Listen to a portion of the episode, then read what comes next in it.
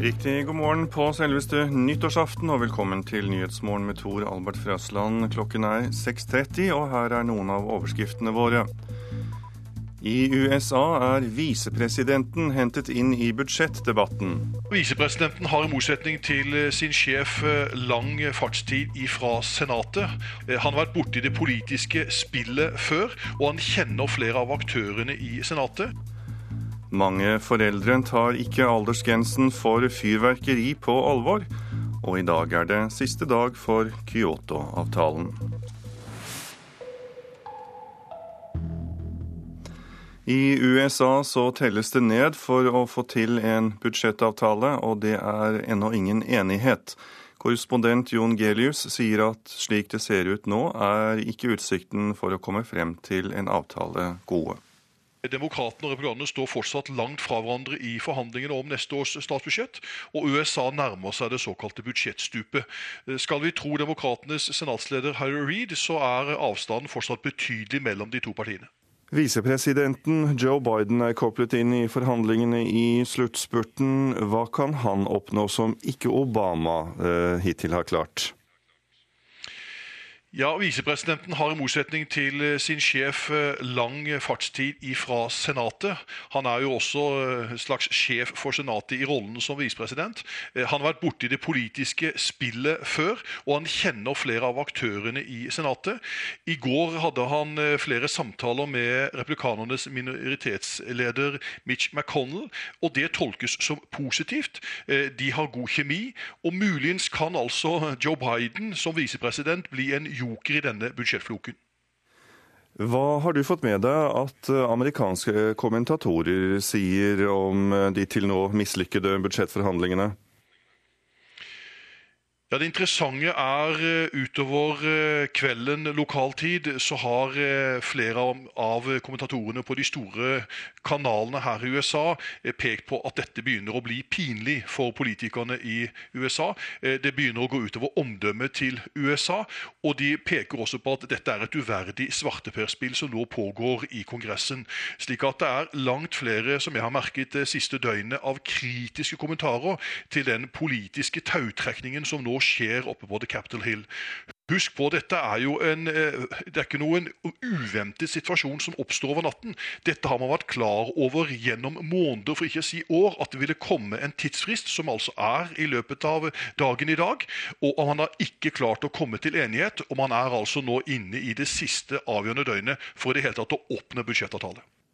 Tysklands forbundskansler Angela Merkel ber tyskerne forberede seg på tøffere økonomiske tider til neste år. Gjeldskrisen i eurolandene er langt fra over, sier hun.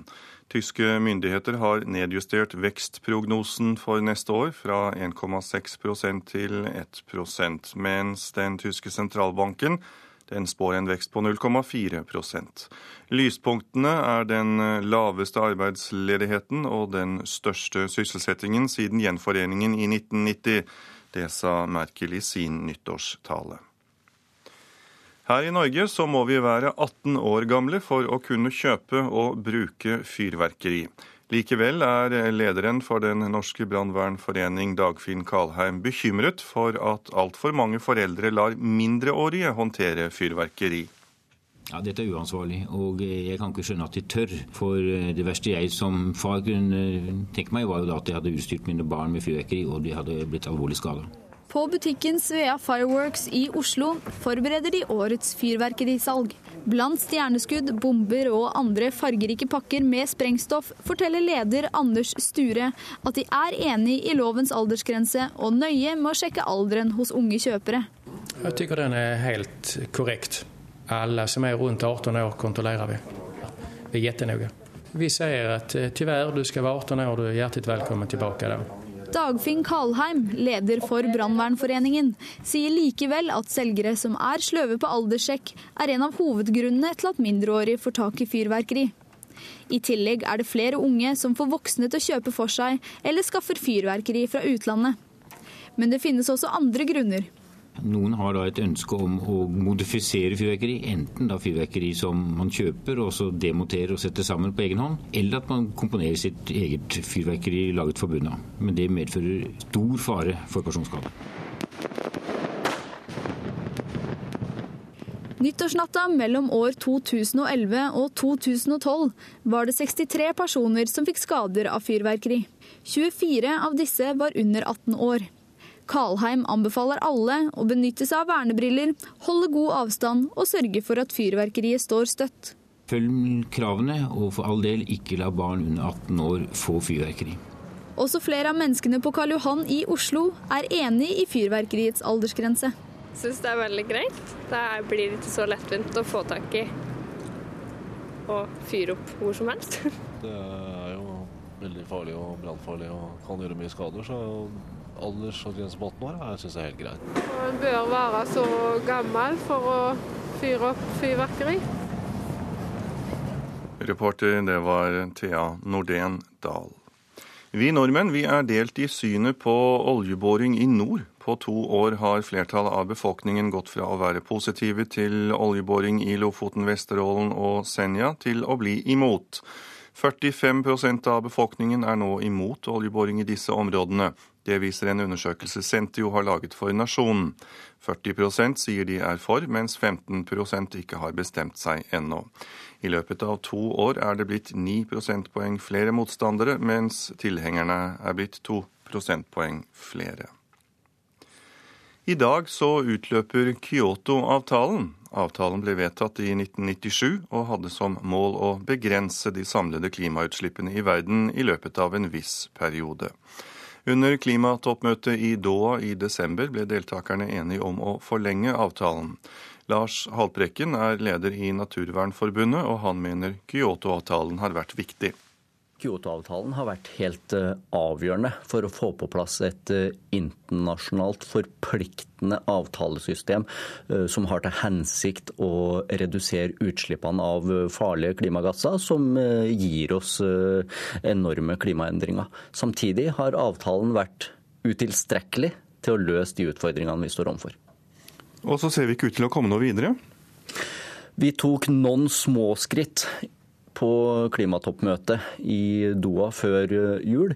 Men eh, fortsatt så er de store landene som slipper ut mest klimagasser i verden, altfor lite villig til å påta seg forpliktelser om eh, utslippskutt. Og vi ser jo også at i et land som Norge så fortsetter utslippene å gå opp i stedet for å gå ned.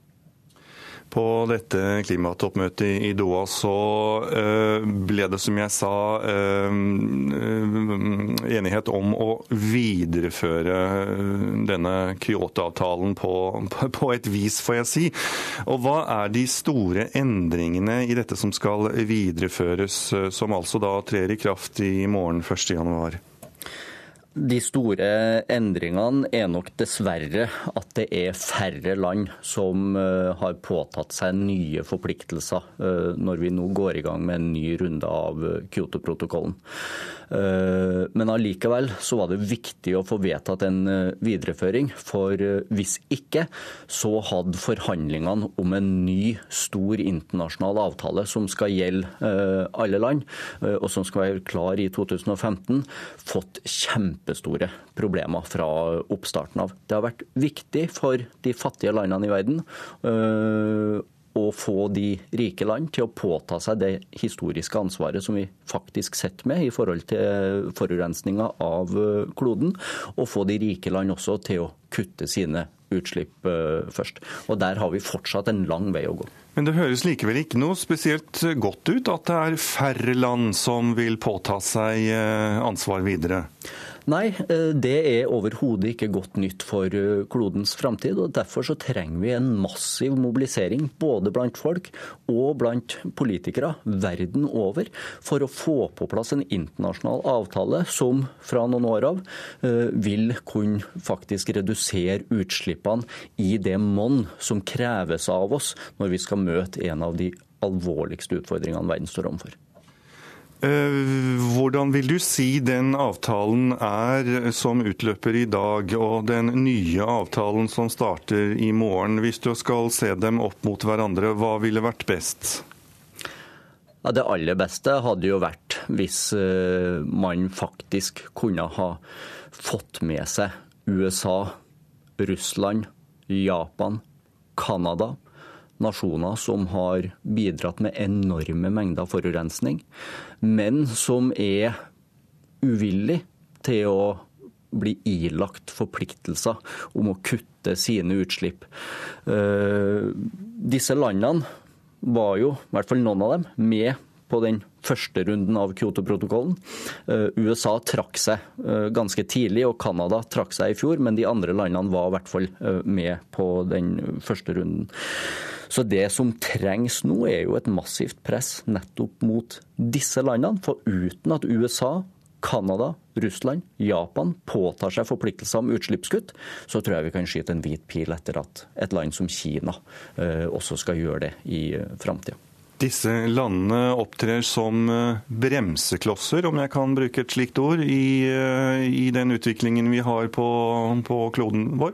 Ja, de står også til dels ganske hardt på bremsen. Eh, og jeg vil si at de i flere eh, omganger har bidratt til å sabotere forhandlingene eh, og forhindre framgang. For det er klart at hvis USA, som inntil nylig var verdens største forurenser, faktisk hadde tatt dette problemet på alvor, så ville også en lang rekke av de andre store utslippsnasjonene uh, har måttet komme etter, som f.eks. Uh, eh, Kina. Men det som vi ser i dag, er jo at i Kina så uh, skjer det en vridning mot fornybar energi, og den er gledelig, men det trengs større utslippskutt.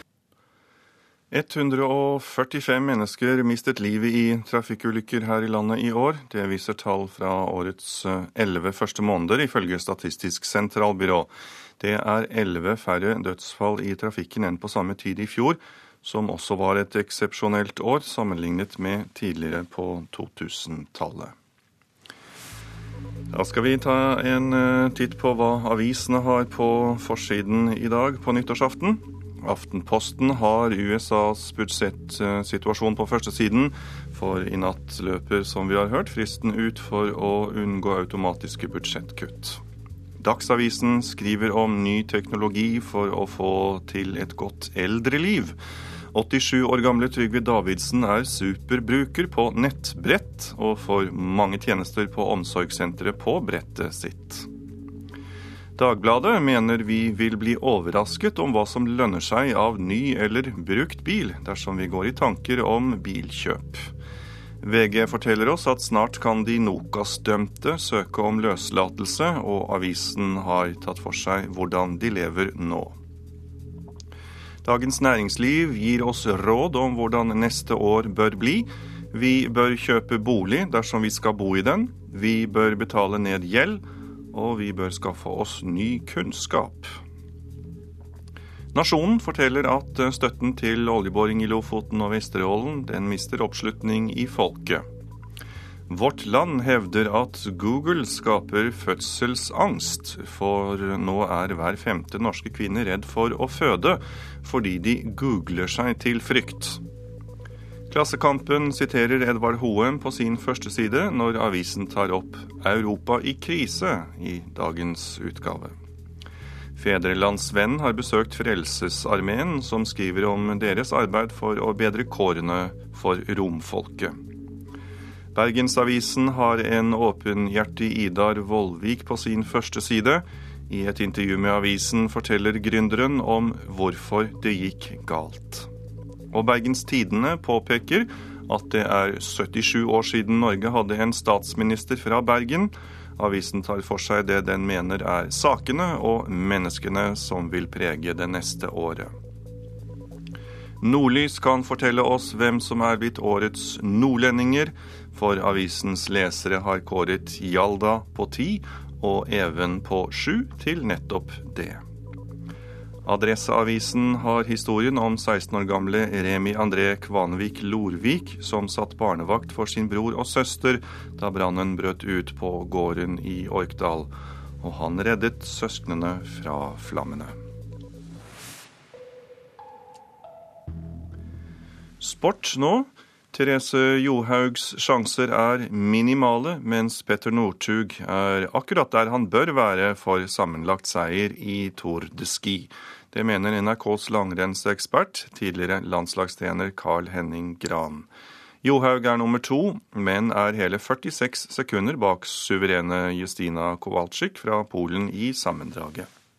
Etter to etapper så kan det synes ganske vanskelig å ta igjen Justina Kowalczyk. Eh, avstanden er blitt vel stor. Jeg tror det blir vanskelig, og Therese må nok eh, finne seg i å være med og kjempe om andreplassen, men kommer sikkert til å få kamp om den. Landslagstrener Egil Kristiansen er ikke enig i at det ser så mørkt ut for Therese Johaug etter to av sju etapper. Nei, jeg har egentlig hatt at Justine har noen, noen, noen, dårlige dager og noen dårlige renn. Det, og det kan jo fort skje at hun har òg. Så mulighetene er absolutt til stede, men eh, det var jo sagt på forhånd at Justine er den soleklare favoritten, og det skal vi klare å ta. Og så må vi ha, ha tur og, og, ha kropp som fungerer og ski som fungerer hele veien. Så, men mulighetene er der. Det er ingenting som er umulig. 46 eh, sekunder er mye, eh, men jeg er veldig defensiv. Hvis jeg, hvis jeg har skrinlagt det, så jeg er fortsatt offensiv. og Det er fortsatt at det er fem renn, og mye kan skje ennå. Petter Northug har ifølge Carl Henning Gran alle mulige grunn til å være fornøyd etter at han gikk i mål på tredjeplass på jaktstarten i går. Han virker til å være meget god rute. Til nå så har Petter tatt kloke valg. Eh, jeg er helt sikker på at han kommer til å være med og kjempe helt inn. Om det holder helt inn, det er en annen sak, for han har en del tøffe konkurrenter.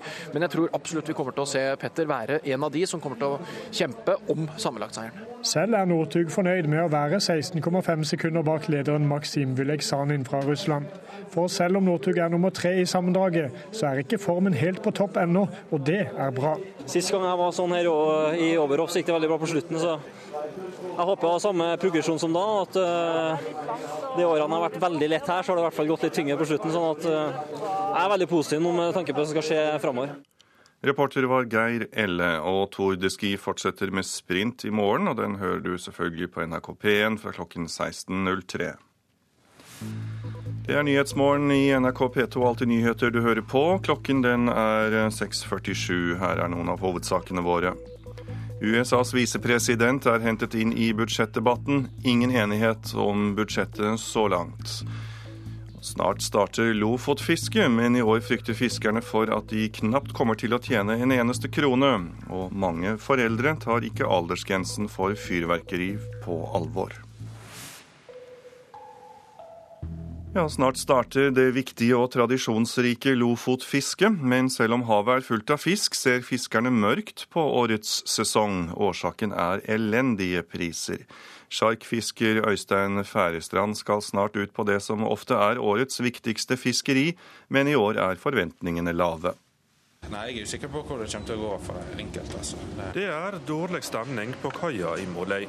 25 år gamle Øystein Færestrand har investert nær 3 millioner i å bli sjarkfisker, men nå svikter inntektene. Torskefiskeriet har jo vært et grunnlag for resten av året. Snart starter det viktige lofotfisket for han og over 1000 andre fiskere fra hele landet. Men gjeldskrisa i Europa fører til elendige priser. Om lag ti kroner for ett kilo torsk er vel halvparten av det den har vært. Kostnadene er jo de samme, så det er jo de øverste kronene som du sitter igjen med. Og de øverste kronene er jo vekk nå. Så lave priser kan bety tap for hundretusenvis av kroner for en sjarkfisker. Men også de store havgående båtene får svi. Her har vi eh, hyse og torsk, stort sett. Skipper Tony Silden om bord i linebåten Vesteinen ser ned i et stappfullt lasterom. Denne fisken der, han er ja, hva ha vært da? Knappe 20 kroner kiloen. I sju uker har mannskapet på 15 fiska under tøffe forhold i området mellom Bjørnøya og Spitsbergen. Men utbyttet er mindre enn venta. Nå eh, kommer vi her med ja, totalt en tur 400 og nærmere 20 tonn. Og leverer sikkert fisk for 6, kanskje 6,5 millioner. Og det er vel gjerne 3 millioner under det det burde vært. Hvordan det? Nei, altså Vi er jo forplikta til å betale både lønninger og folk trenger, skal betale huslånene sine. Og, og, Det er ikke så mange her i landet som har gått ned 20-30 i lønn de siste fem årene. Det er enormt med torsk i havet for tida. Totalkvoten er neste år på rekordhøye 1 million tonn, men det hjelper lite når økonomisk uro i verden fører til elendige priser. Det er ikke mer enn et par år siden så hadde denne fisken der vært verdt eh, ja, godt over 30 kroner. Fiskarlagsleder Sogn og Fjordane, Jarl Magne Silden, er bekymra. Særlig for de mindre båtene som ikke har alternative fiskeri. Det er dramatisk det som skjer, og selvfølgelig veldig trasig for fiskerne. For Det som er paradokset i dette, her, at det prisen til konsument den er stabil og gjerne økende, mens at råstoffprisen den går ned. 95% av torsken som blir fiska de neste månedene skal til utlandet. Men de store markedene sør i Europa strever med stor arbeidsløse og dårlig kjøpekraft. Det er usikkerhet hos de som skal kjøpe fisken og det er usikkerhet i de markedene der fisken skal gå. Det sier direktør i Norges Råfisklag, Trygve Myrvang. Det er Råfisklaget som fastsetter den såkalte minsteprisen for torsk etter forhandlinger med oppkjøperne. Fiskerne mener prisen burde vært sett høyere, men Myrvang sier det er markedet som rår. Likevel skjønner han frustrasjonen. Fortvilelsen er ganske stor blant, eh, blant mange fiskere det er klart det, det er tøft for, eh, for, fiskere i Norge. Norge som er et høykostland der eh, økonomien er sterk. Og så ser de at eh, inntektene blir redusert. Tilbake i Måløy har Øystein Færestrand tatt seg i å lure på om det var rett å satse. I år berger 25-åringen seg på en egen rekrutteringskvote som gjør at han får fiske over dobbelt så mye som eldre kollegaer. Men marginene er fremdeles små. Over 30% mindre fangster i det det merkes godt. Så det er ikke så mange lyspunkter, egentlig. Reporter, det var Asgeir Reksnes. Til Danmark nå, for den danske sosialdemokratisk ledede regjeringen lovet i regjeringsgrunnlaget fra i fjor å arbeide for et, sex, et forbud mot sexkjøp, men ombestemte seg nå på slutten av året, og det har skapt rabalder. Det er så mange ulykkelige skjebner i det her, det kan vi som samfunn ikke tolerere. Det syns jeg ikke vi kan.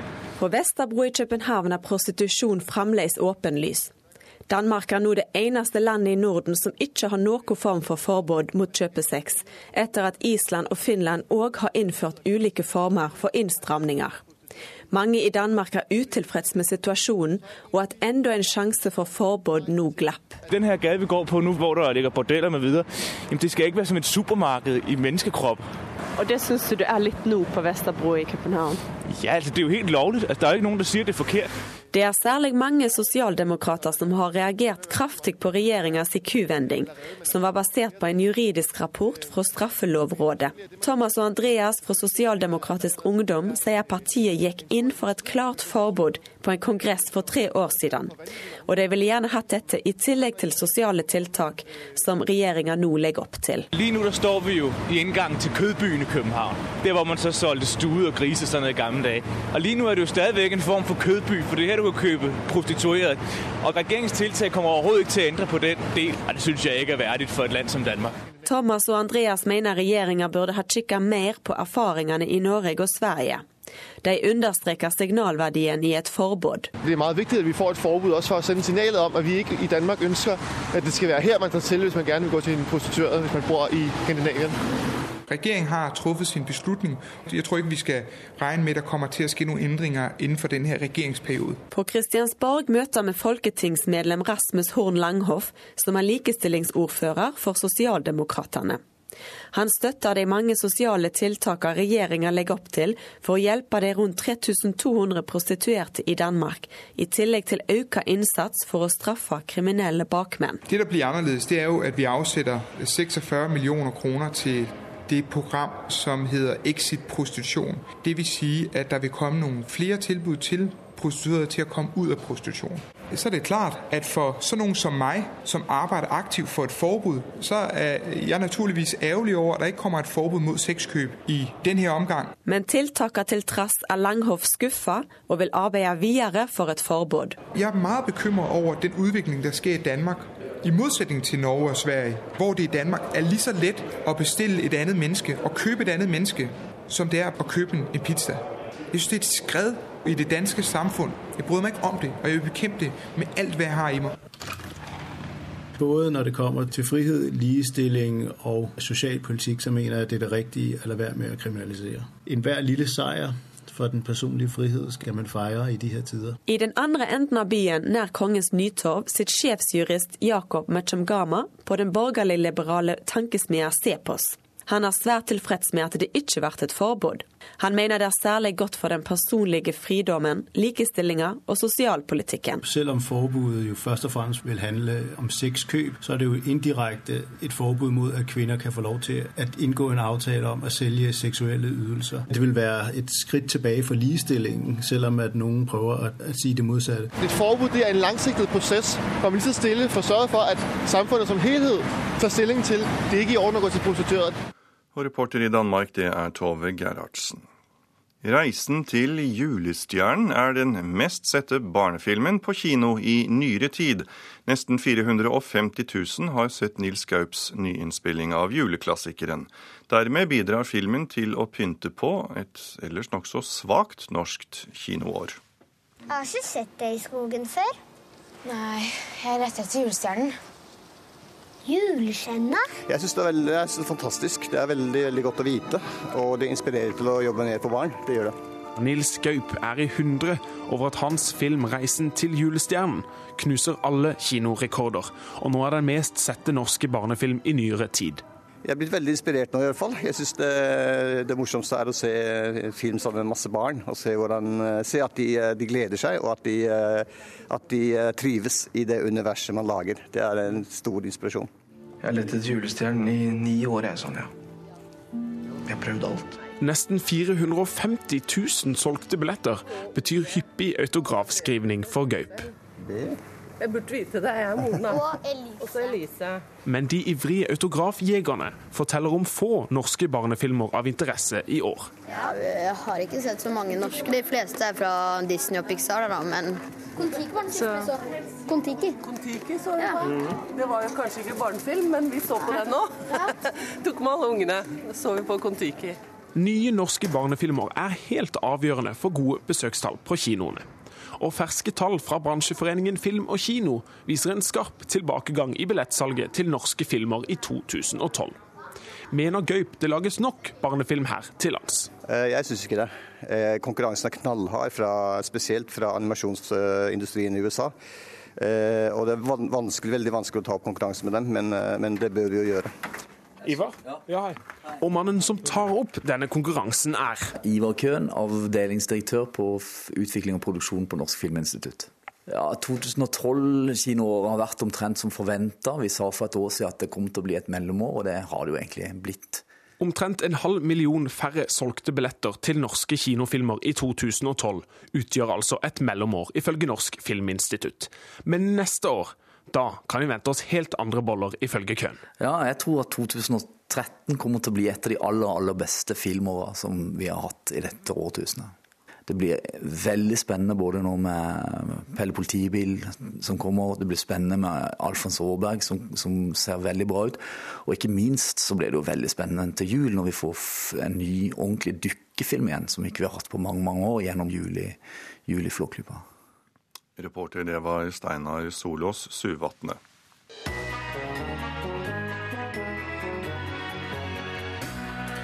Når helga er over og hjerna trenger å bli vekt til live igjen, da stikker Radioselskapet til Seniorsenteret. Vårt helsevesen, det er smykket vårt. Hvis han får bruke moral eller ytre sikkerhet. Klarer han det i løpet av et år, ære være han. Og sette nye Viku på rett kjøl. Radioselskapet klukka 11. Og nå skal du få høre hvordan nyttårsaftenværet blir. Fjellet i Sør-Norge sørvestlig liten kuling, snøbyger flest i vest. Fra i ettermiddag snø. Østland og Telemark sørlig bris, på kysten liten kuling. Enkelte regnbyger og snø i høyden. I ettermiddag snø og regn i lavere strøk og lave tåkeskyer. Agder sørvestlig bris, på kysten periodevis liten kuling. Regn, snø over 700 meter og lave tåkeskyer. Rogaland og Hordaland sørvestlig periodevis stiv kuling. Regn, snø over 800 meter. Sogn og Fjordane sørøstlig liten kuling, om kvelden stiv kuling, regn, snø over 700 meter. Møre og Romsdal sørvestlig liten kuling, fra i ettermiddag frisk bris, stort sett opphold i kveld litt regn og snø over 600 meter. Trøndelag får sørøstlig liten kuling, stort sett opphold. Nordland sørøstlig frisk bris, stort sett pent vær. Troms sørøstlig frisk bris og opphold. Finnmark får sørlig frisk bris. Øst og på vidda litt snø, ellers opphold.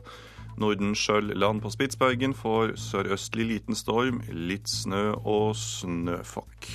Morgentemperaturene, og de er målt klokken fire. Svalbard lufthavn null. Kirkenes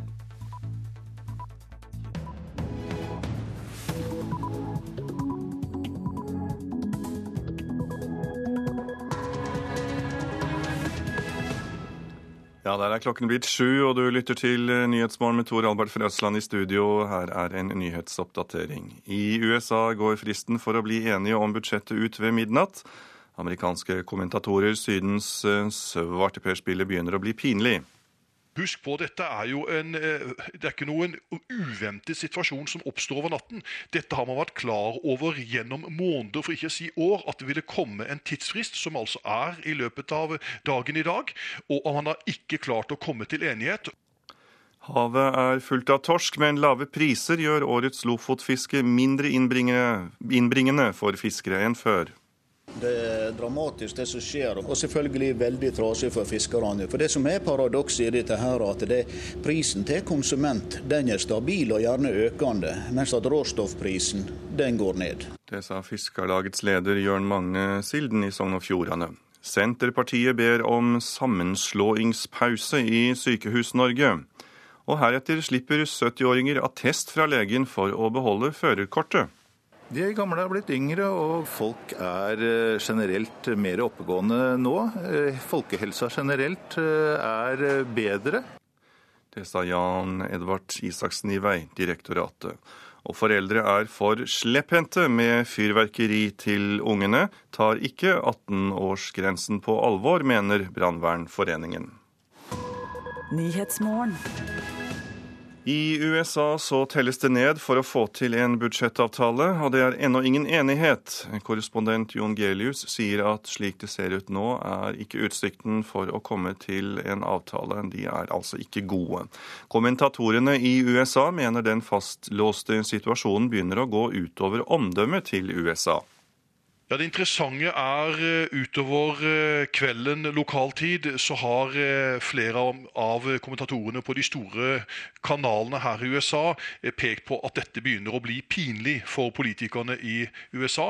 Det begynner å gå utover omdømmet til USA, og de peker også på at dette er et uverdig svarteperspill som nå pågår i Kongressen. Slik at det er langt flere, som jeg har merket det siste døgnet, av kritiske kommentarer til den politiske tautrekningen som nå skjer oppe på The Capitol Hill. Husk på, dette er jo en, eh, det er ikke noen uventet situasjon som oppstår over natten. Dette har man vært klar over gjennom måneder, for ikke å si år, at det ville komme en tidsfrist, som altså er i løpet av dagen i dag. Og man har ikke klart å komme til enighet, og man er altså nå inne i det siste avgjørende døgnet for i det hele tatt å åpne budsjettavtale. Og Senatet trer sammen igjen senere i ettermiddag. Vår tid, hva, hva skjer nå dersom det ikke blir noen enighet? Ja, Da vil altså USA gå utfor det såkalte budsjettstupet. Eh, I praksis betyr det at det automatisk blir innført skatteøkninger for alle amerikanere fra eh, første nyttårsdag, og at det blir store offentlige kutt for til sammen 600 milliarder dollar.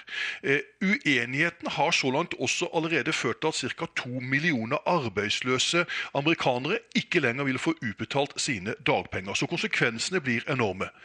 Det som president Obama i går sa, sa, var at dersom han ikke oppnår en enighet, så vil han be demokratenes senatsleder Harry Reed om å legge fram et forslag om å beholde eh, skattenivået eh, som er i dag, for inntekter inntil 250 000 eh, kroner, og samtidig sørge for at de som har hatt arbeidsledighetstrygd, fortsatt vil få det.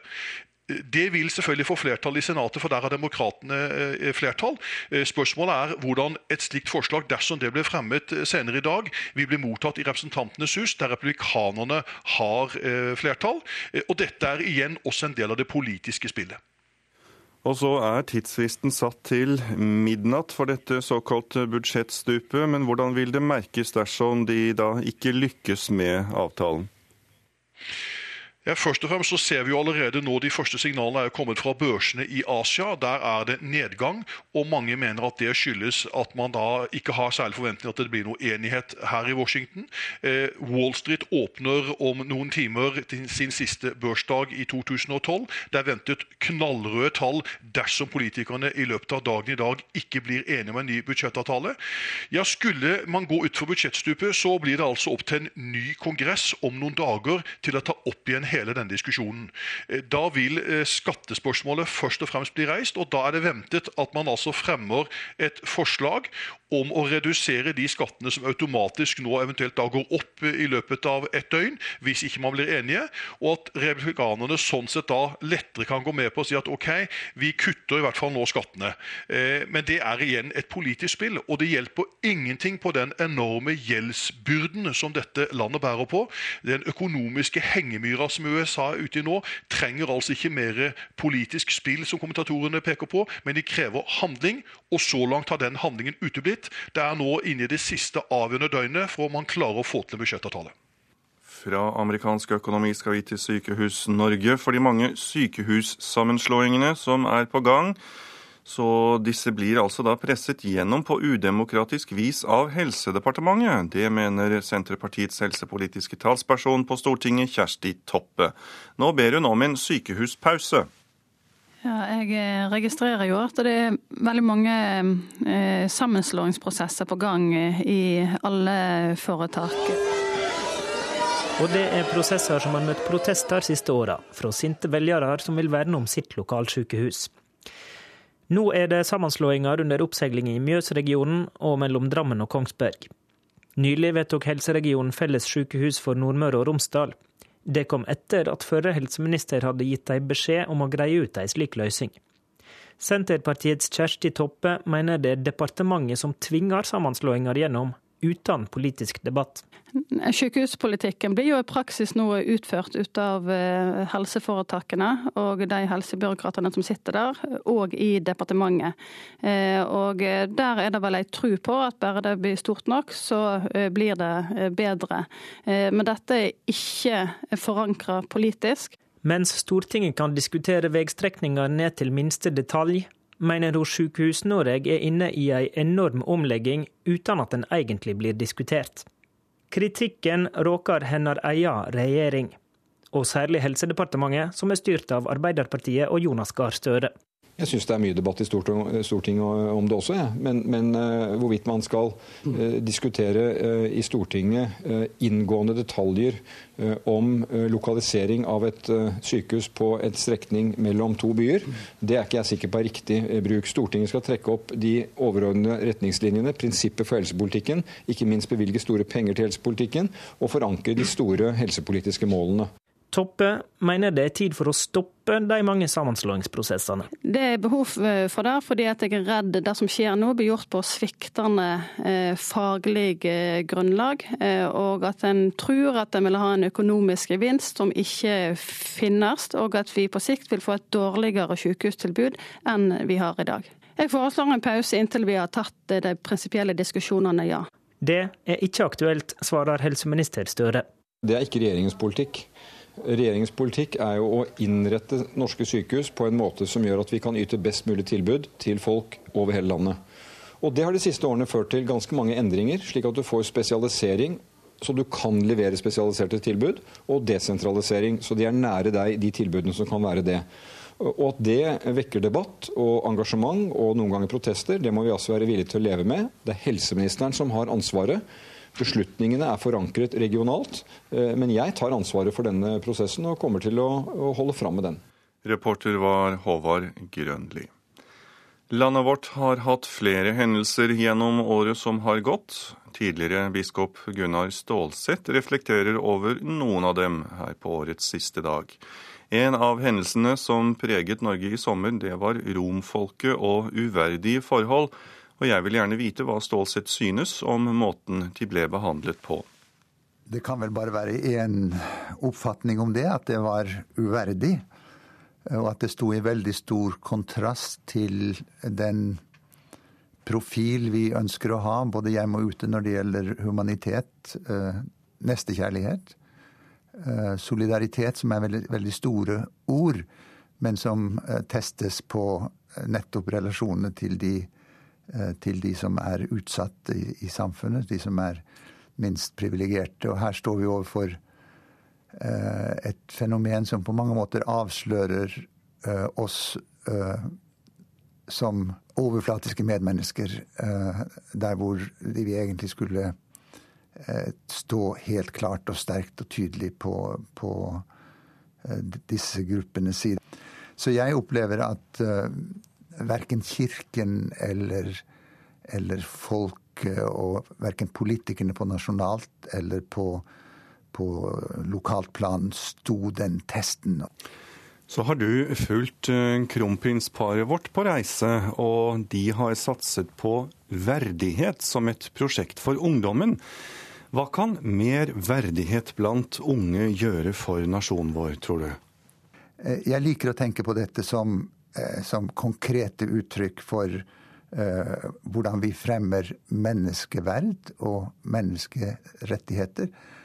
Jeg opplever jo at eh, et ord om verdighet, et ord som verdighet, uh, Eh, kan virke abstrakt og fremmed for unge i dag, men hvis vi snakker om deres liv, deres drømmer, deres opplevelse av selv, av hvem de er, så er det deres verdighet det dreier seg om. Eh, og jeg mener jo også at eh, den andre store hendelsen av, av rystende karakter i fjor og i år viser ungdommens forståelse av verdighet. Og denne hendelsen eh, som du eh, refererer til, eh, tar jeg nesten for gitt at er 22. juli? Det er det, og det er og, vi, og, i år har vi jo lagt bak oss 22. juli-rettssaken. Ja. Hva tror du en slik prosess har gjort med oss? Jeg tror at uh, igjen vil det være mange forskjellige forståelser av det, mange fortellinger. Uh, de som har vært mest berørt med tap av sine kjære, uh, har nok kjent rettssaken som et eh, som en prosess som bidrar til å komme til rette, om ikke med tapet, så iallfall til rette med det grusomme som skjedde. Eh, for oss alle så tror jeg at rettssaken har gitt oss en ny opplevelse av hva en rettsstat er og skal være.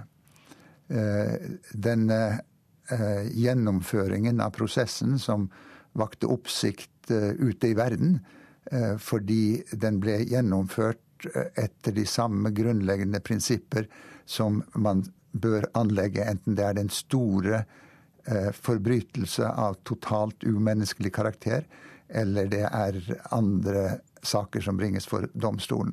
Men det har også gitt oss eh, en, en følelse av et, en kollektiv sårbarhet, eh, som jo eh, ikke minst Gjørv-rapporten var med å, å, å, bringe inn, og den bearbeidelse som skjer gjennom Stortinget i den offentlige debatt med at regjeringen og statsministeren står frem og, og, og tar ansvar, det, det, tror jeg er et positivt resultat av det som skjedde. At vi, når vi sier det må ikke skje igjen, så forplikter det til å gå igjennom eh, både våre holdninger og våre handlinger og våre rutiner og institusjoner. Eh, og det tror jeg er en av de veldig positive tingene. Det sa tidligere biskop Gunnar Stålseth. Fra neste år slipper 70-åringer å skaffe seg helseattest fra fastlegen for å fortsette å kjøre bil lovlig. Førerkortet blir nå gyldig uten helseattest til fylte 75 år. Årsaken er rett og slett at dagens 70-åringer har bedre helse enn tidligere. De gamle er blitt yngre, og folk er eh, generelt mer oppegående nå. Eh, folkehelsa generelt eh, er bedre. Vegdirektoratet sin nyttårspresang til 70-åringene er dermed at de slipper skaffe seg helseattest for å kjøre lovlig fra januar, forteller Jan Edvard Isaksen, seksjonssjef for førerkortkontoret. Men med de nye reglene kan livet samtidig bli litt mer tungvint for de som har rukket å bli 75. Det blir litt lettere ved at man da ikke har eh, dette kravet på seg før man er 75 år. Samtidig så blir det litt mer tungvint ved at man må inn på trafikkstasjonen og fornye førerkortet eh, etter at man har vært hos legen og fått eh, en ny legeattest. Det var meget positivt. Vi er ikke så gamle. Vi vet litt om hvordan tilstanden er selv. På trafikkstasjonen på Risløkka i Oslo treffer vi mange som er nøgde med å slippe unna legeattestkravet noen år til. Nå har vi plutselig funnet ut at vi er en ressurs allikevel, så du kan jobbe litt lenger. er det lov å spørre meg? Jeg blir 67 og tar neste år. Ja. Men medan alle de vi snakker med som sjøl begynner å nærme seg 70, er enige om at dette er bra, er svarene fra de som enda har 10, 15 eller kanskje 50 år igjen til de sjøl når pensjonsalderen, av det litt mer skeptiske slaget. Ja, jeg syns jo ikke at det Eller jeg syns at det burde være som det var før. Jeg vet jo bare min egen bestefar ikke, på slutten ikke burde kjøre bil. Så um, jeg tror absolutt ikke det burde tas bort, altså. Om det er de gamle eller unge som veit best, vil Isaksen i Vegdirektoratet ikke mene noe om. Men regelendringene har kommet for å bli, og som alltid må enhver sjåfør vurdere egne egenskaper bak rattet. Alderen den spiller jo inn eh, på kroppen vår, og det er jo enhvers plikt, da, enten man er 70 eh, eller man er 50 eh, eller 20, at man må selv vurdere om man er i stand til å kjøre rent sånn helsemessig. Det sa Jan Edvard Isaksen i Vegdirektoratet, og reporter var Ellen Sporstøl. Klokken den er 16 minutter over sju. Det er Nyhetsmorgen i NRK P2 du lytter til, og her er hovedsakene. USA nærmet seg budsjettstupet. Fristen for å bli enige går ut ved midnatt. 70-åringer slipper legeattest for å beholde førerkortet. Til gjengjeld blir det mer tungvint for dem over 75. Og Senterpartiet refser Helsedepartementet. Mener det på udemokratisk vis tvinger sykehus til å slå seg sammen. Russland har de siste dagene vært i nyhetsbildet, både når det gjelder flyulykken i Moskva og i forbindelse med konflikten i Syria. Når det gjelder forholdet til Norge, er det faktisk roligere, og jeg har fått besøk av Knut Hauge, du er vår sendemann til eh, Moskva, altså ambassadør. Hvordan er forholdet til Russland nå? Ja, forholdet til Russland er eh, godt, det er konstruktivt, men det er samtidig krevende. Det er eh, for så vidt ikke noe nytt i det. Slik har det, har det vært lenge. Eh, på, på, hvilken måte er det krevende? Nettopp. Eh, det er krevende på den måten at vi er naboer. Vi, er, vi deler da et, et, et, område i nord hvor begge landene har sine nasjonale interesser. Det er klart at Fra tid til annen så sammenfaller ikke disse interessene nødvendigvis. Det er normalt blant naboer. Men det er også krevende på den måten at eh, det er store forskjeller mellom Norge og Russland. Norge er et lite vestlig land forankret i vestlige verdier og vestlige tradisjoner. Russland er ikke det.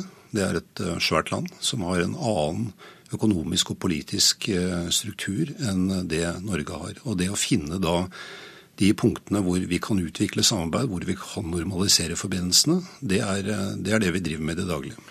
Og Norge er jo også forankret i en vestlig forsvarsallianse. Russerne ruster opp og investerer i Forsvaret. Hvor farlig er Russland for Norge? Jeg tror det er veldig viktig her at eh, vi ikke faller tilbake til å tenke i termer av den kalde krigen. Jeg er eh, gammel nok til å huske hvordan det var på grensen mot Sovjetunionen på 70-tallet. Da jeg selv tjenestegjorde der oppe, og vi er veldig langt fra det i dag. Vi, det er vel de færreste som går og tenker på en russisk militær trussel. Så det er, eh, det er en stor forskjell. Men Samtidig så er det klart, vi, vi legger, man legger jo merke til at det foregår eller planlegges en storstilt modernisering av de russiske væpnede styrker. Og da må det jo også føyes til at det er jo for så vidt på tide. Altså Det russiske forsvaret har eh, mer eller mindre råtnet på rot siden 80-tallet. Så en viss modernisering er ikke unaturlig. Men dette er selvfølgelig noe man må, må følge nøye, nøye med på. Eh, men eh, det er ikke noen form for dramatikk i dette. Og jeg tror heller ikke på russisk side at man føler at det er noe dramatikk i at Norge er Nato-medlem. Det har Norge vært siden Nato ble opprettet. Og jeg tror personlig at en forutsetning for at vi har et godt og stabilt naboforhold til Russland, er nettopp vårt medlemskap i Nato. Ja, Ses vi på som et naboland av russerne? Det gjør vi. Vi ses på som et naboland. Men det er klart også i en russisk eh, forestilling så og Der kommer vi igjen inn på dette med ulikheter og ulik tilnærming. Eh, Russland er først og fremst opptatt av å bli respektert. Så vi, vi bygger da bånd. Vi snakker om folk-til-folk-samarbeid. Det er noe som også på, man på russisk side setter pris på, spesielt på lokalplan. Men Russland som nasjon, som det store, store, det store landet Russland, er først og fremst opptatt av å bli respektert. Det, det må vi gjøre. Eh, men vi har en litt, det er en litt ulik aksent i måten vi, vi tilnærmer oss dette på. I eh, politisk og samfunnsmessig liv i Russland så har det nå den siste tiden kommet eh, flere nye lover. Det siste var vel dette med at eh, det skal nektes adopsjon til USA, bl.a. Men det er også kommet nye lover om økonomisk støtte til organisasjoner fra utlandet. Disse må altså registreres. Hvilken betydning vil det få? Det vet vi ikke ennå. Dette er veldig tidlig. Altså Disse lovene, og det er en hel serie av de, de har blitt innført nå fra i eh, sommer og framover. Og som du riktig sier, den siste loven som eh, ble da trår i kraft nå i morgen, det er da denne som bl.a. forbyr adopsjon av eh, russiske barn til, til USA, men som også forbyr eh, amerikanske organisasjoner å finansiere virksomhet til, andre, til, russiske organisasjoner i Russland. Så det foregår en gradvis innstramming. Summen av dette, og jeg tror det er det som er viktig, er å ikke også se på de enkelte, de enkelte lov, lovene, men å se på totaliteten i det. Det er å gi et kraftig signal til uh, det til oss som utlendinger og til, eh, også til eh, krefter i Russland om at man ikke lenger aksepterer det russerne oppfatter som innblanding i indre anliggender. Og dette er bekymringsfullt. Dette her svekker eh, utviklingen av en rettsstat i Russland og fjerner Russland lenger fra felleseuropeiske verdier. Takk skal du ha, ambassadør i Russland, Knut Hauge. USAs utenriksminister Hillary Clinton er lagt inn på sykehus med blodpropp i hjernen. Det opplyser en talskvinne for amerikansk UD. Clinton pådro seg i midten av desember hjernerystelse etter å ha mistet bevisstheten og falt. Legene hennes vil overvåke tilstanden hennes og avgjøre om det skal settes i verk ytterligere tiltak. Det sier Hillary Clintons talsmann. Tilstanden til Venezuelas president Hugo Chávez er forverret, opplyser landets visepresident. Det skal ha oppstått nye komplikasjoner som følge av en luftveisinfeksjon. Chávez fikk kreftdiagnosen for første gang i 2011, og gjennomgikk sin fjerde kreftoperasjon på Cuba tidligere denne måneden. Sveits sperrer bankkontoene til sønnene til den tidligere egyptiske presidenten Hosni Mubarak. Myndighetene fryser nærmere 1,7 milliarder kroner på flere konti i storbankene Credit Suisse og BNP Paribas. Allah og Gamal Mubarak sitter fengslet i Egypt, anklaget for å ha beriket seg på statens bekostning under farens regjeringstid. Forbundskansler i Tyskland Angela Merkel ber tyskerne forberede seg på tøffere økonomiske tider i 2013. Gjeldskrisen i eurolandene er langt fra over, sier hun. Tyske myndigheter har nedjustert vekstprognosen for neste år fra 1,6% til 1% skal vi ha en titt på avisenes eh, førstesider. Aftenposten har i dag budsjettsituasjonen til, eller i USA på sin første side, for i natt løper fristen ut for å unngå automatiske budsjettkutt. Dagsavisen skriver om ny teknologi for å få til et godt eldreliv. 87 år gamle Trygve Davidsen er superbruker på nettbrett og får mange tjenester på, på omsorgssenteret på brettet sitt. Dagbladet mener vi vil bli overrasket om hva som lønner seg av ny eller brukt bil dersom vi går i tanker om bilkjøp. VG forteller oss at snart kan de Nokas-dømte søke om løslatelse, og avisen har tatt for seg hvordan de lever nå. Dagens Næringsliv gir oss råd om hvordan neste år bør bli. Vi bør kjøpe bolig dersom vi skal bo i den. Vi bør betale ned gjeld, og vi bør skaffe oss ny kunnskap. Nasjonen forteller at støtten til oljeboring i Lofoten og Vesterålen den mister oppslutning i folket. Vårt Land hevder at Google skaper fødselsangst, for nå er hver femte norske kvinne redd for å føde fordi de googler seg til frykt. Klassekampen siterer Edvard Hoem på sin første side når avisen tar opp Europa i krise. Fedrelandsvenn har besøkt Frelsesarmeen og skriver om deres arbeid for å bedre kårene for romfolket. Bergensavisen har en åpenhjertig Idar Vollvik på sin første side. I et intervju med avisen forteller gründeren om hvorfor det gikk galt. Og Bergens Tidende påpeker at det er 77 år siden Norge hadde en statsminister fra Bergen. Avisen tar for seg det den mener er sakene og menneskene som vil prege det neste året. Nordlys kan fortelle oss hvem som er blitt årets nordlendinger, for avisens lesere har kåret Hjalda på ti og Even på sju til nettopp det. Nå skal vi høre om tvillingene Per og Roar Bjørke, som har fulgt hverandre i tykt og tynt hele livet. Til og med samme jobb har de hatt, som sjef for hvert sitt postkontor. Per i Elverum og Roar på Hamar. Vi har vel egentlig ikke hatt noen sånne veldig gode, nære kameratvenner ellers. For vi har, vi har jo hatt hverandre. De har gjort nesten alt synkront opp igjennom. Samme fritidsinteresser, samme hemmelige språk som små, samme klasse. De har til og med vært gift med hver sin kone som var søstre. Og vi har etter hvert fire unger hver, to jenter og to gutter. Og så har det da blitt eh, masse barnebarn av det. Og sjølsagt måtte de ende opp i samme jobb. Begge er daglig leder på hvert sitt postkontor. Per i Elverum og Roar i Hamar. Jeg begynte året før han, så han kom vel etter. Så at jeg hadde det fint. Så altså, jeg har jobba i Posten i mange og 40 år. Men nå forandres livet litt for tvillingene. Postkontoret i Elverum skal legges ned, noe som betyr at Per må bytte jobb. Han blir produksjonsleder for Posten på Trehørningen i Hamar. Så fra 1.2 er det bare Roar som har eget postkontor, noe som ifølge han sjøl er mye gjevere. Klart det. det er jo det, vet du. Jeg får jo en egen terminal, jeg, altså. Enda større. Men, flere ansatte å holde styr på. Men blir det litt sånn eh, kniving dere imellom, sjøl om dere er godt voksne nå? Jeg har lurt litt på det. Når jeg har sett på avisoppslag og sånn, så jeg har begynt å telle om hvem som har flest avisoppslag. Nei, det er ikke noe bevisst kniving, i hvert fall. Har dere alltid vært gode venner? Ja, det har vi faktisk. Krangler veldig lite. Og vi samarbeider veldig mye når vi var små. Og det kan vi jo si at vi har fortsatt med. Som sjef for hvert sitt postkontor har tvillingene hjulpet hverandre, også på jobb. Når Per har lurt på noe, har han ringt til Roar, og omvendt. Sjøl om Roar syns han har hjulpet Per mer enn Per har hjulpet Roar. Nei, da går det mest motsatt vei, da. Det er slik at, at jeg klarer meg sjøl. Ja vel, ja. Mens, Tar du den? Mens eh, jeg på en måte har vært en slags sentral for eh, spørsmål som en lurer på, da, og ting som en ikke er klar over hvordan skal gjøres og sånn. Så, da, så jeg føler akkurat det på den måten. At jeg har mest hjulpet han, da. Men jeg hjelper han på mange andre områder når vi er på tur og sånn, enten det er i jobbsammenheng eller musikken, så må jeg passe på han.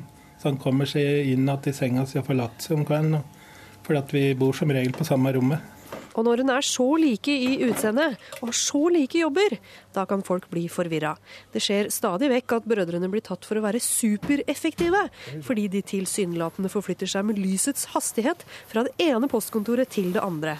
Det er nemlig ikke alle som får med seg at de er to, ikke én. Ja, det skjer rett som det. Og også i disse dager. Jaså, er du her òg, liksom? Da har de fra Elverum, altså hit. Så sier jeg at jeg har vært her lenge, sier jeg.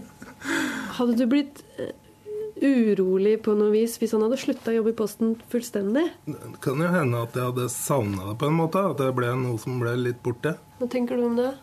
Hvis du hadde blitt igjen i Posten alene med ditt eget postkontor, og bror din drev med noe helt annet? Det hadde vel nærmest vært som å miste et bein, på en måte. Tror nok det. Reporter var Aud Ingebjørg Barstad. Det er Nyhetsmorgen i NRK P2 Alltid nyheter du lytter til. Den neste halvtimen så skal du få Dagsnytt med Elin Pettersen. Du skal få dagens utenriksreportasje og Politisk kvarter. Produsent for eh, sendingene denne morgen det er Silje Katrine Bjarkøy. Og her i studio så er Tor Albert Frøsland.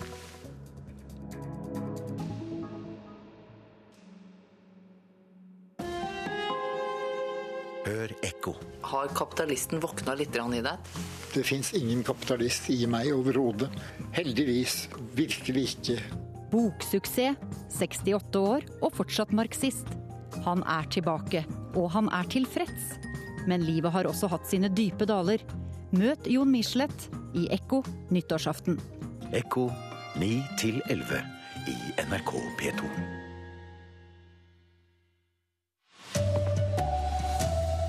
Budsjettstupet rykker nærmere i USA, fastlåste forhandlinger bare timer før fristen går ut. Regjeringa presser gjennom sykehussammenslåinger uten demokratisk debatt, mener Senterpartitopp.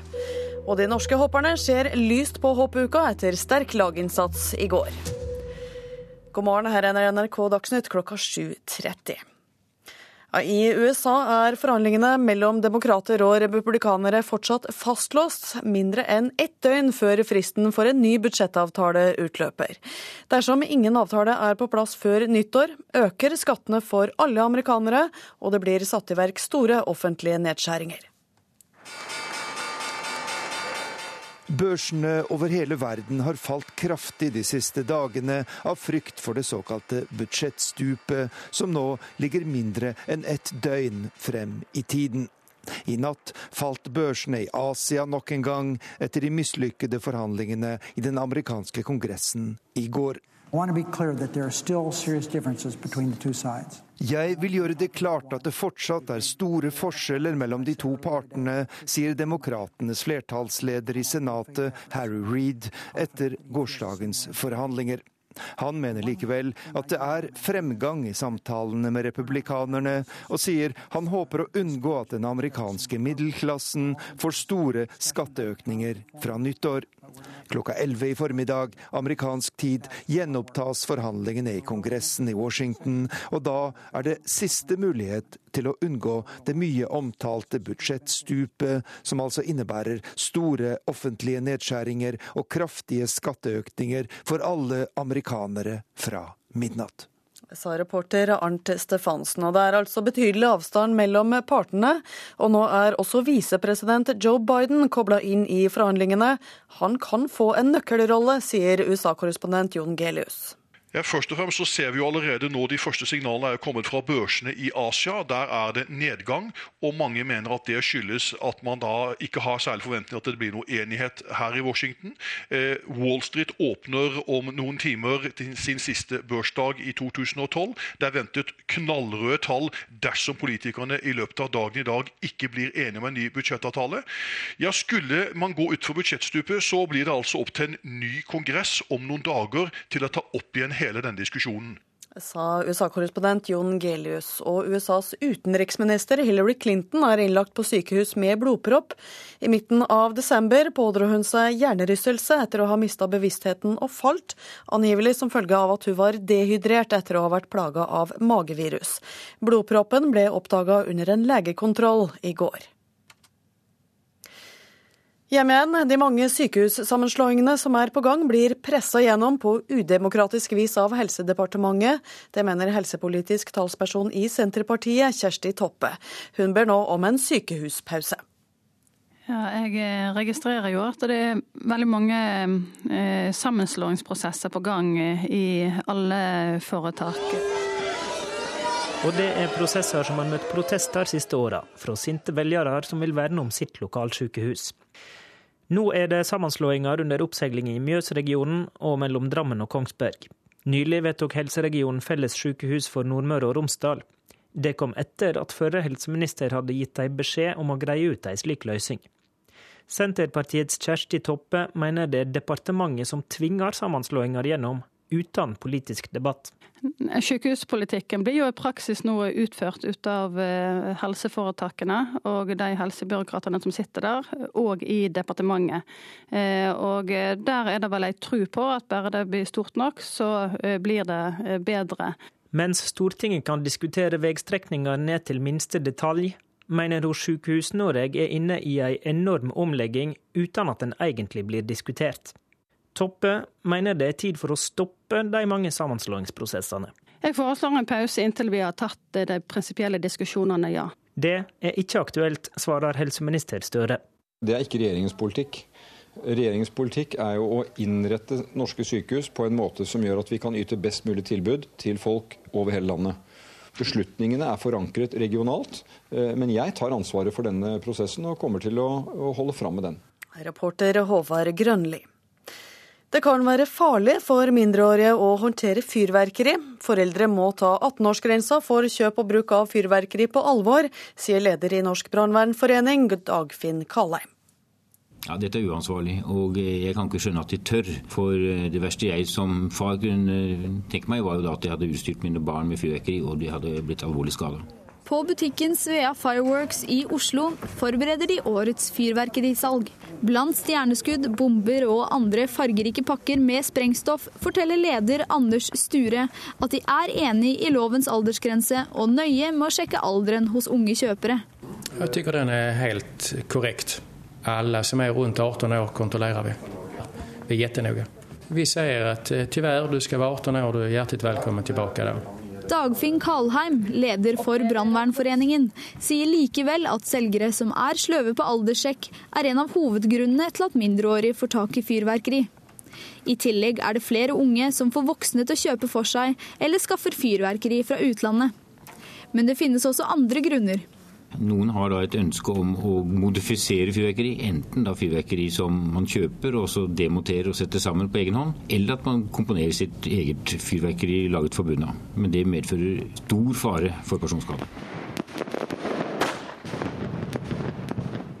Nyttårsnatta mellom år 2011 og 2012 var det 63 personer som fikk skader av fyrverkeri. 24 av disse var under 18 år.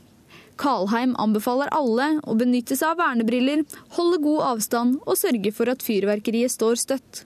Følg kravene, og for all del ikke la barn under 18 år få fyrverkeri. Reporter her var Thea Nordén Dahl. Fra januar slipper 70-åringer eh, å skaffe helseattest for å fortsette å kjøre bil. Førerkortet blir nå gyldig uten helseattest til fylte 75 år i stedet. Årsaken er rett og slett at dagens 70-åringer har bedre helse enn tidligere. De gamle er blitt yngre, og folk er eh, generelt mer oppegående nå. Eh, folkehelsa generelt er bedre. Vegdirektoratet sin nyttårspresang til 70-åringene er dermed at de slipper skaffe seg helseattest for å kjøre lovlig fra januar, forteller Jan Edvard Isaksen, seksjonssjef for førerkortkontoret. Men med de nye reglene kan livet samtidig bli litt mer tungvint for de som har rukket å bli 75. Det blir litt lettere ved at man da ikke har eh, dette kravet på seg før man er 75 år. Samtidig så blir det litt mer tungvint ved at man må inn på trafikkstasjonen og fornye førerkortet eh, etter at man har vært hos legen og fått eh, en ny legeattest. Det var meget positivt. På trafikkstasjonen på Risløkka i Oslo treffer vi mange som er nøgde med å slippe unna legeattestkravet noen år til. Nå har vi plutselig funnet ut at vi er en ressurs allikevel, så vi kan jobbe litt lenger. Og om de gamle har blitt yngre, er det fremdeles én regel som er den samme, sier Isaksen i Vegdirektoratet. Det er jo enhvers plikt, da, enten man er 70 eh, eller man er 50 eh, eller 20, at man må selv vurdere om man er i stand til å kjøre rent sånn helsemessig. Reporter her var Ellen Sporstøl. Gårsdagens gode laginnsats i hoppuka skremmer de største konkurrentene. Det mener sportssjef Claes Brede Bråten. Anders Jacobsen vant, mens både Tom Hilde og Rune Velta fulgte opp med topp ti-plasseringer. Jeg tror vi har skremt eh, vettet av noen. Hvem er det? Jeg tror nok eh, østerrikere og tyskere og andre fikk opp øya sine på det de så av oss i dag. At flere av de største utenlandske konkurrentene ble overrasket, er ikke Klas Bredde Bråten i tvil om. Nettopp overrasket er det Anders Jacobsen mener de er. Jeg tror ikke vi skremmer dem, men jeg tror de ble litt overraska. Eh, jeg tror de har visst potensialet. Eh, kanskje, kanskje nødvendigvis ikke til meg, men til mange av de andre. For det er den sterke norske laginnsatsen som imponerer. Seier og ledelse i hoppluka av Anders Jacobsen, femteplass til Tom Hilde, tiendeplass til Rune Velta, Anders Bardal på tolvteplass og dermed nest beste laginnsats i sesongens første hopplukerenn. Kanskje det gir oss den nødvendige selvtilliten som vi trenger for å, for å løfte oss videre og, og virkelig skape sirkusene her. Sirkuset Claes Brede Bråten etterlyser kan fortsette allerede i dag med kvalifiseringen til morgendagens nyttårshopprenn. Og for første gang på ni år feires selve nyttårsaften med en god middag på hotellet, med lederen av hoppuka. Ja, Det er uh, ufattelig kult. Det er så mye kulere enn uh, de åtte andre gangene jeg har stått her nede, at du aner ikke. Reporter her var Henrik Jonassen. Ansvarlig for denne sendinga var Erlend Rønneberg, teknisk ansvarlig Per Ivar Nordahl. Her i studio, Elin Pettersen. Og her i Nyhetsmorgen skal vi til Italia, for der har høyreekstreme krefter vokst seg sterkere den siste tiden.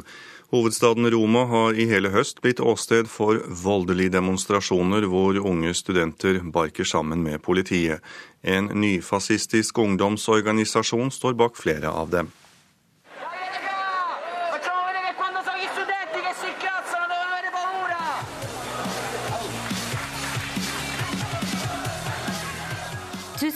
Av studenter under vaiende italienske flagg med røykbomber i hendene.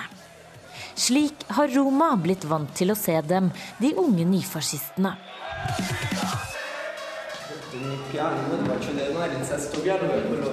I am Rolando and I am 24 years. Han er Rolando Mancini, 24 år gammel og leder av den nyfascistiske studentbevegelsen Blocco Studentesco. Midt i sentrum av Roma har de okkupert en seks etasjer høy bygning og gjort den til sitt hovedkvarter. På veggene er bilder av en majestetisk ørn og graffitier av fascistenes marsj mot Roma i 1922. Rolando er stolt av å være fascist. Allora, noi ci definiscono i fascisti del terzo millennio e sicuramente noi riprendiamo dal fascismo quelle che sono eh... Vi er fascister av tredje millennium. Våre nøkkelpunkter er de samme som hos Mussolini, med dyrking av sport, kultur og utdanning, sier Mancini. Blocco Studentesco ble skapt i 2003 i Roma og teller nå 3000 medlemmer over hele Italia. I høst har de fylt overskrifter med voldelige demonstrasjoner i gatene i Roma. De kjemper for en revolusjon, forsvarer den tradisjonelle familien og vil stoppe innvandring til landet.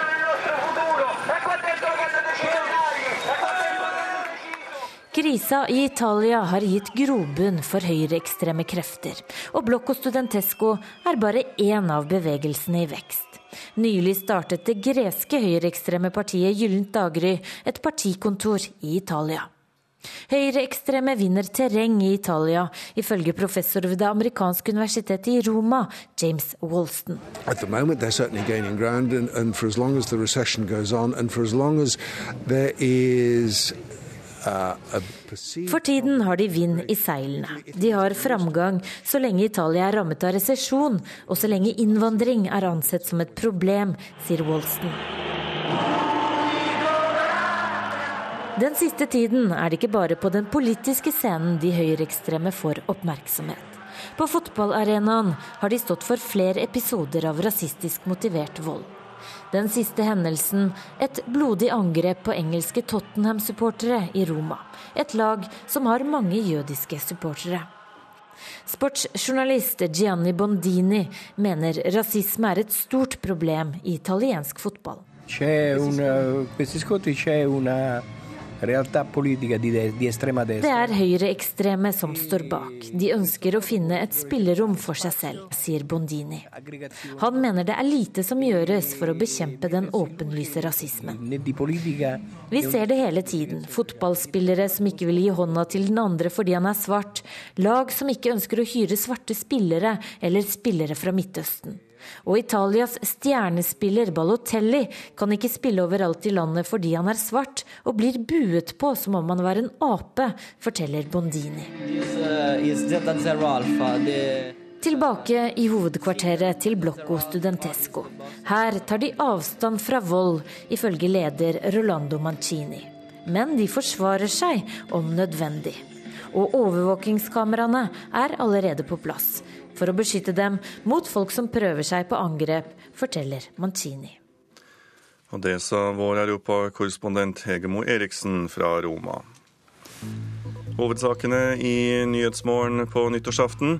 To millioner arbeidsløse amerikanere risikerer å ikke få dagpenger hvis politikerne ikke blir enige om budsjettet før midnatt. Norge har et godt, men krevende forhold til Russland. Det sier Norges ambassadør. Petter Northug kan vinne Tour de Ski sammenlagt. Therese Johaug er bortimot sjanseløs, mener NRKs langrennsekspert Carl Henning Gran. Og nå kommer et politisk kvarter det bare er ett av i året, Bjørn Myklebust. Det blir tabloid, sikkert ikke representativt, og med en sjokkerende mangel på innholdet i sakene. Vi gir deg Politisk kavalkade 2012.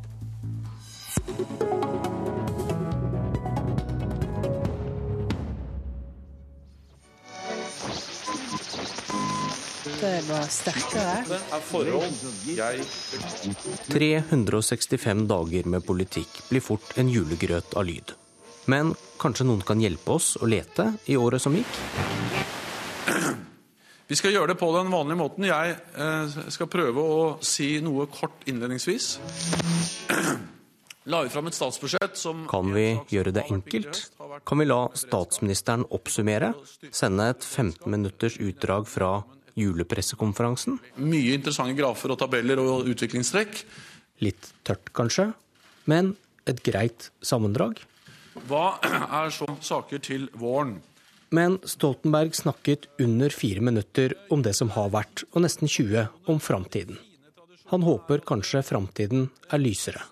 For snur han seg, er det mye mørke.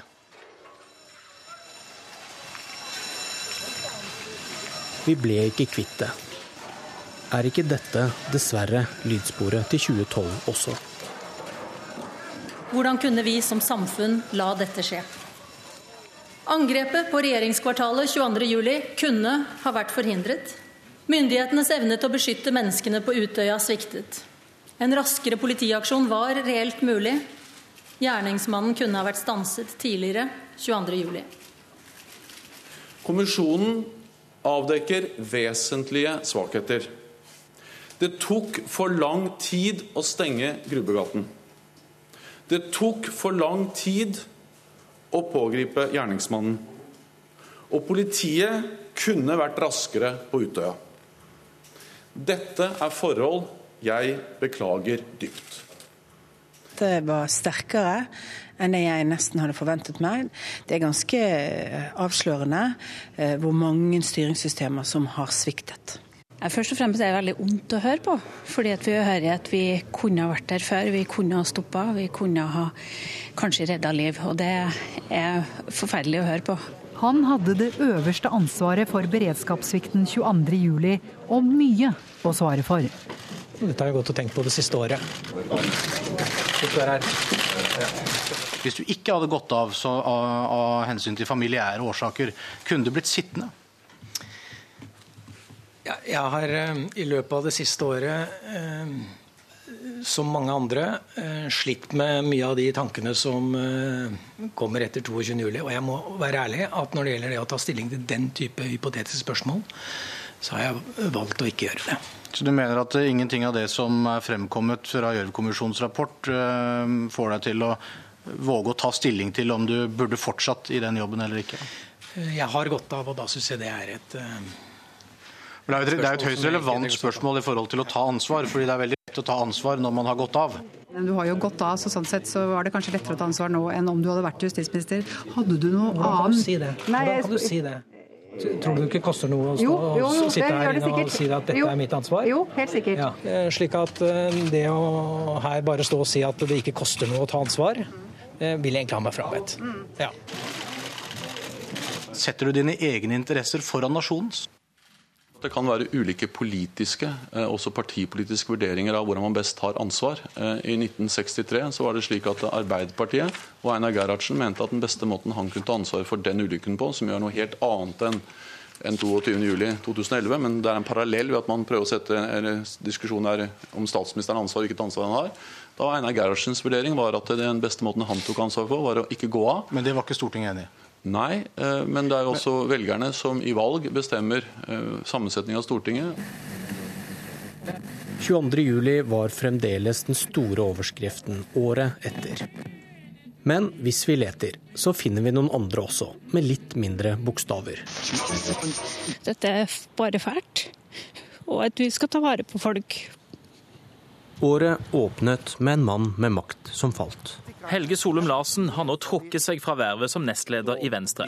Han tar voldtektsanmeldelsen svært tungt. Nei, jeg har forslag på søndag om at uh, ei ung kvinne på et møte i Venstre uh, sa at hun hadde blitt voldtatt, og at vi måtte ja, håndtere den saken på en skikkelig ordentlig måte overfor henne og overfor de andre berørte.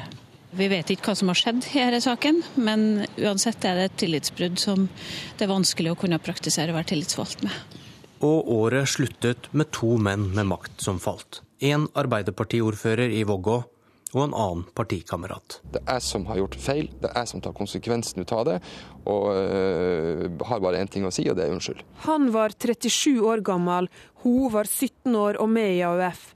Roger Ingebrigtsen har i åtte år holdt historien for seg sjøl. I dag kom den fram fra mørket. Det er jo sånn i livet at man kan se ulikt på ting. Uh, og jeg har forholdt meg til at dette var historie, og på en måte var gjort opp. Eh, men det kan, det kan man ikke være sikker på at alle den andre eller de andre føler. Andre mennesker. Og det forholder jeg meg til. Jeg bebreider ingen. Eh, jeg tar konsekvensen at det nå kom opp. Eh, og betaler selvfølgelig prisen for det. For meg, om slike bekymringsmeldinger kommer samme dag som en nominasjonsprosess. En uke før, en måned før. Jeg er nødt til å ta det på alvor. Altså, du mener at eh, det er ikke uten videre noe gærent i et forhold mellom en ung jente og en mye eldre mann? Nei, altså kan jo eh, asymmetriske forhold. Det kan jo handle om så mange ting. Fridtjof eh, Jacobsen? Dette er jo helt vanvittig at vi skal holde på med dette nå. Jeg er, eh, er nesten har lyst til å reise meg og gå. Og nå sitter vi her, og det er ikke moro, ikke sant? Ja, men, hva, men jeg må nesten spørre, hvorfor reagerer du så voldsomt? Nei, Fordi jeg holder med henne. Det er hun som er den svake parten her. Og hun blir trakassert i, over hele Norge fordi hun har sagt fra om noe. Det er ikke riktig. Og ja, men det er ikke, Jeg har hatt forhold til en eldre mann. det er ikke noe gærent. Nei, men Prøv å ikke fortelle henne liksom om igjen og om igjen og om igjen alt hun skulle ha gjort eller ikke ha gjort. Da. Det er jo helt vanvittig. Val. Jo, men det er, det er vanvittig. Jo, men det er, må være lov å stille spørsmål Alt er lov, du kan gjøre hva du vil, men jeg mener at det er vanvittig. Jo, men har... Gjør hva du vil. Hold på. Gjerne. Fortsett. Bare fortsett, fortsett. Dette er bare tull, altså. Men eh, når du ser på fakta, så finnes det altså ikke en eneste venn av meg, et eneste styre i et eneste selskap under Næringsdepartementet. Så kameraderiteorien mangler det vesentligste, nemlig en kamerat. Kamerater del 1. Det er viktig å svare kort og konsist på komiteens spørsmål. Uh, har... Middelaldrende menn som liker å sette fyr på ting. KKK. Den lite flatterende karakteristikken av Stortingets kontroll- og konstitusjonskomité kommer fra en av regjeringspartienes egne medlemmer i komiteen. Opposisjonen mener de driver viktig kontroll med regjeringen, mens de som høres, ikke alltid er enige. Det vil være ødeleggende for verdiutviklinga hvis vi åpner for at dette er et eh, offentlig gruppearbeid. Ja, nå er kanskje det en litt nedsettende måte å karakterisere en stortingskomité på, men det skal la være opp til deg. Næringsminister Trond Giske har i hele år møtt anklager om at han tråkker over streken i forhold til statlige selskaper. Truet han med å fjerne styreformannen i Statoil, har han presset styrene for å få venner inn i sentrale posisjoner. Vi spiller inn kandidater som vi mener kan tilføre selskapet vesentlig kompetanse. Mener du at Tore Sandvik tilfredsstiller disse kravene? Jeg vil ikke kommentere enkeltnavn. Jeg tror vi kan la den politiske diskusjonen ligge. Vi spør, du skal nå svare på spørsmål. Kamerater del to. Og der, har vi, der kommer Lysbakken inn her. Han var under et voldsomt press. Ja, Velkommen eh, til pressekonferanse. Barne- og likestillingsministeren var ansvarlig for at Jenteforsvaret og Reform fikk penger, med litt for tette bånd til SV og til statsråden. Og han kjempet for å bli valgt som partileder. Jeg har ansvaret for de feil som er begått, og jeg tar ansvaret. Jeg har derfor orientert statsministeren om at jeg har tatt den beslutning at jeg ønsker å gå av som statsråd. Forstår du hvis noen syns det er arrogant når du sier at dette kommer du styrket ut av? Du, jeg, eh, alle vil jo være enig i at eh, en statsråd som går av, eh, er svekket eh, politisk. Ikke du. Men, jo, men det, det, er det jeg har sagt, er at jeg mener jeg kommer klokere og sterkere ut av dette som menneske. Du pappa, du er sparka. Eh, Du har gjort en god jobb, men det er de som bestemmer. Lysbakkens avgang gjorde at SV måtte legge regjeringskabal på nytt. Og det ble mer bråk enn vanlig. Vi blir med på Erik Solheims aller siste tur i statsrådbil. Han er ikke nådig mot partileder Audun Lysbakken, som har vraket ham. Jeg har vektlagt at erfaring eh, teller, at vi har gjort veldig alvorlige feil i SV de siste ukene som kunne vært unngått med mer erfaring. Men Det er en stor ære å bli miljøvernminister, og det føles som et voldsomt stort ansvar. Jeg regner med å ha tøffe tak fra første dag, og er veldig godt forberedt tror jeg, på eh, den viktige jobben. Så skal jeg lede SV fra eh, min plass på Stortinget, og kan der bidra til at vi markerer oss tydeligere også på flere felt enn de feltene vi styrer i regjering. Vi kunne fortalt om Kamerater del tre. Men grunnen til at Jonas Gahr Støre byttet jobb, var nok ikke vennskapet til Trudy. Kongen eh, i statsråd har i dag eh, utnevnt eh, Hadia Tajik til ny kulturminister. Jonas Gahr Støre til ny helseminister.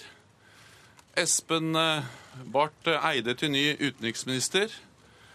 Anniken Huitfeldt er blitt ny arbeidsminister. Og Anne Grete Strøm Eriksen er blitt ny forsvarsminister. Du, jeg har elsket hver dag i Utenriksdepartementet og har ikke bedt om å få slutte der. Men når statsministeren gir meg denne utfordringen, så mener jeg det er et privilegium. Det får å være tøffe gutter til tøffe jobber, da, hvis det er sånn. Jeg skal forsøke å gjøre det på måten med hele meg. Med blanke øyne tok regjeringens mest populære og lengstsittende statsråd farvel med sitt utenriksdepartement etter sju år. Det sitter veldig i meg. Jeg har brent for dette i syv år.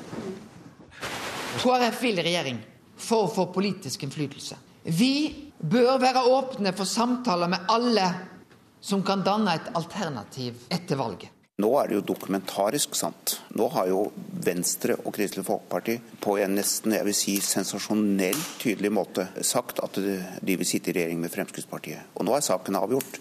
Alle stemmer på mellompartiene vil også være en stemme til Siv Jensen og Fremskrittspartiet. Dette handler om at Fremskrittspartiet kan få gjennomført en ny eldreomsorgspolitikk. En raskere forsering av veibyggingen. En bedre sammenheng i helsepolitikken og et helt annet syn på hvordan vi forvalter vår oljeformue. Det er jeg glad for at Kristelig Folkeparti sier ja til, sånn at vi kommer et langt skritt nærmere en annen styring av Norge. Det handler om hvordan jeg møter folk. Jeg er en ganske direkte vestlending, og, og har en direkte stil. Var det lederstil, eller var det lederstrid? Eller var det strid om Senterpartiet egentlig hører hjemme sammen med SV? Jeg har altså gjentatt min årsaking uten atterhold for det som skjedde på Dyrøy. Liv Signe Navarsete skjelte ut sin ungdomsleder Sandra Borch som hadde støttet Ola Borten Moe som framtidig partileder for Senterpartiet. Jeg kan, jeg kan også bekrefte at jeg og Senterungdommen godtar den unnskyldninga. Og Ola Borten Moe overrasket alle med å melde seg av lederstrid og plass på Stortinget. Skulle jeg noen gang være i en posisjon til å gjøre noe annet enn politikk, så måtte det på sett og vis bli nå. Tilbake i statsministerboligen. Vi får en stortingsmelding om folkehelse. Stoltenberg snakker om fremtiden. Men kan han bli innhentet av fortiden neste år?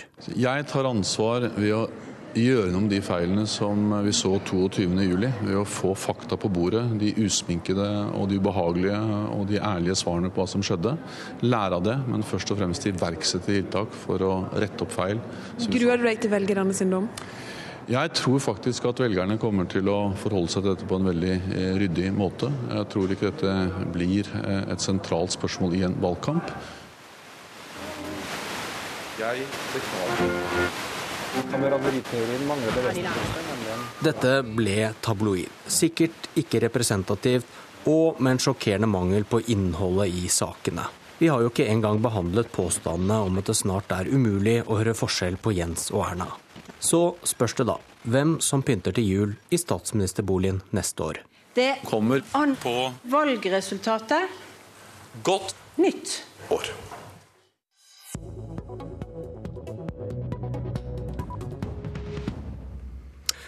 Årets første Politisk kvarter kommer onsdag 2. januar. Da er Høyre-leder Erna Solberg gjest, og hun møter lunkne forventninger fra sin egen heiagjeng. Det blir ikke voldsomme endringer i norsk eh, politikk når eh, vi skifter regjering. Det må være så, være så ærlig å si. Når det gjelder hva innholdet i den nye regjeringen skal være, så er jeg ikke så veldig optimistisk. Fordi det mangler et tydelig borgerlig prosjekt. Jeg heter Bjørn Myklebust.